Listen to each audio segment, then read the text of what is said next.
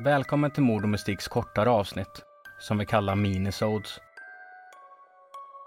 Dessa avsnitt kommer vara fristående från den vanliga säsongen och presentera fall vi stött på under vår research, men som inte haft tillräckligt med material för att utgöra ett avsnitt i vår vanliga säsong.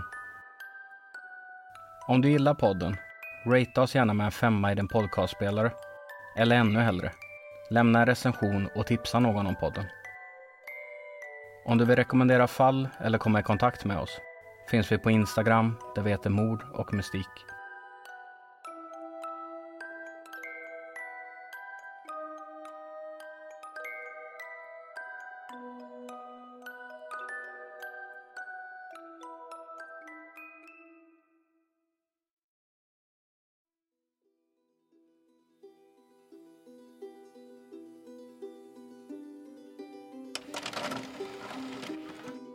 Detta är berättelsen om en hemsida vid namn mortis.com som gick online på nätet under tidigt 2000-tal då många av internets hörn fortfarande var outforskade.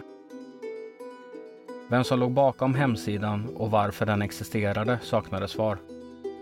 Och trots att den nästan helt saknade innehåll kom den att ligga uppe i flera år framöver och sedan tas ner och lämna kvar internetanvändarna med fler frågor än svar.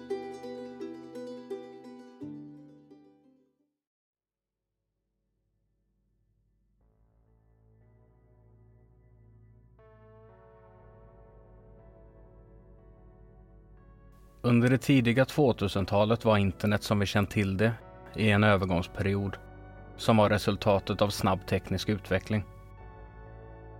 Många människor bytte ut sina gamla telefonbaserade internetuppkopplingar mot snabbare bredband. Något som revolutionerade användarnas onlineupplevelse. Begreppet webb 2.0 blev populärt. Vilket innebar att hemsidor gick från enklare statiska sidor till interaktiva plattformar där användare kunde bidra med eget innehåll, skapa bloggar och interagera med varandra på nya sätt. Samtidigt kom också de första sociala plattformarna. Mest kända var Friendster och MySpace. Hemsidorna växte snabbt i popularitet och blev platser där människor kunde komma i kontakt med varandra på ett sätt som inte varit möjligt på internet förut. Under denna tid av förändring började allt fler använda internet på ett mer vardagligt sätt än tidigare. Och det dröjde inte länge innan folk började uppmärksamma en specifik hemsida. Mortis.com Mysteriet kring Mortis.com började få uppmärksamhet runt om på nätet runt 2000-talets första decennium. Det var under denna tid som diskussioner och spekulationer om webbplatsen började dyka upp på olika forum, bloggar och sociala nätverk på internet. När användare gick in på mortis.com möttes de av en enkel inloggningsruta. Ingen inledning, ingen beskrivning eller något annat sidinnehåll, utan bara en uppmaning att ange användarnamn och lösenord. För besökare kan det ha verkat som vilken webbplats som helst som krävde inloggning. Men det som gjorde Mortis.com särskilt intressant var att ingen någonsin verkade ha någon aning om vad som fanns bakom inloggningsrutan. Med tanke på dess minimalistiska design och bristen på öppen information väckte Mortis.com snabbt nyfikenhet bland internetanvändarna. Snart började en mängd teorier cirkulera Vissa trodde att det var någon form av ARG, eller Alternate Reality Game, där användarna skulle försöka klura ut hur man loggade in och väl där inne upptäcka en dold historia, eller kanske till och med bli belönade. Andra spekulerade i att det var en hemlig hemsida dedikerad för någon särskild grupp, som exempelvis hackare eller något företag. Samtidigt som intresset för hemsidan ökade i takt med att fler runt om på olika forum diskuterade kring den valde några personer att försöka lösa mysteriet på egen hand och hacka sig in på sidan för att se vad som dolde sig bakom inloggningsrutan. Trots deras ansträngningar verkade inget lösenord eller någon teknik för att få åtkomst fungera. Inloggningsskärmen förblev lika oföränderlig och opåverkad som tidigare. Samtidigt pågick en annan efterforskning parallellt.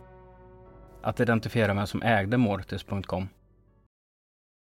En sökning på domännamnsregister visade att webbplatsen hade blivit registrerad. Men de exakta detaljerna om vem som ägaren var, var dolda. Vilket bara fördjupade mysteriet ännu mer.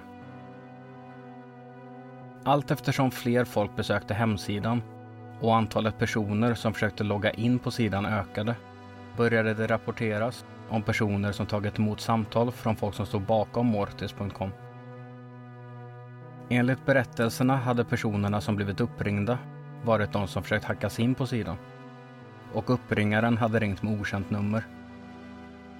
När man svarade möttes man av kryptiska maskinlika röstmeddelanden. Rösten ska ha varit så pass otydlig att det ska ha varit svårt att tyda vad som sades. Dessa meddelanden från de okända numren klargjorde varken vem som stod bakom hemsidan eller varför den existerade. Berättelserna om telefonsamtalen förblev obekräftade, men hjälpte till att spä på ryktena och intresset ännu mer.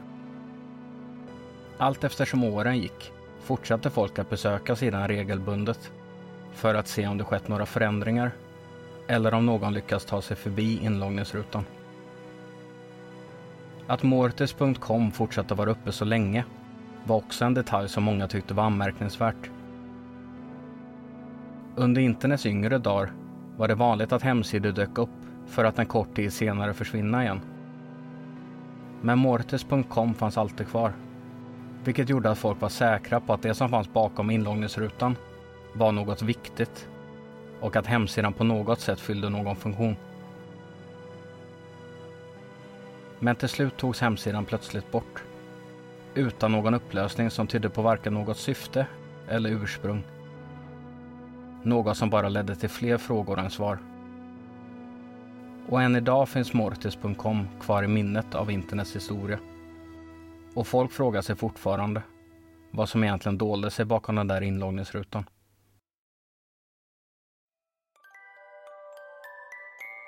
Du har lyssnat på Mord och Mystiks minisode. Hoppas du gillat avsnittet. Ta hand om dig så hörs vi snart igen. Godnatt.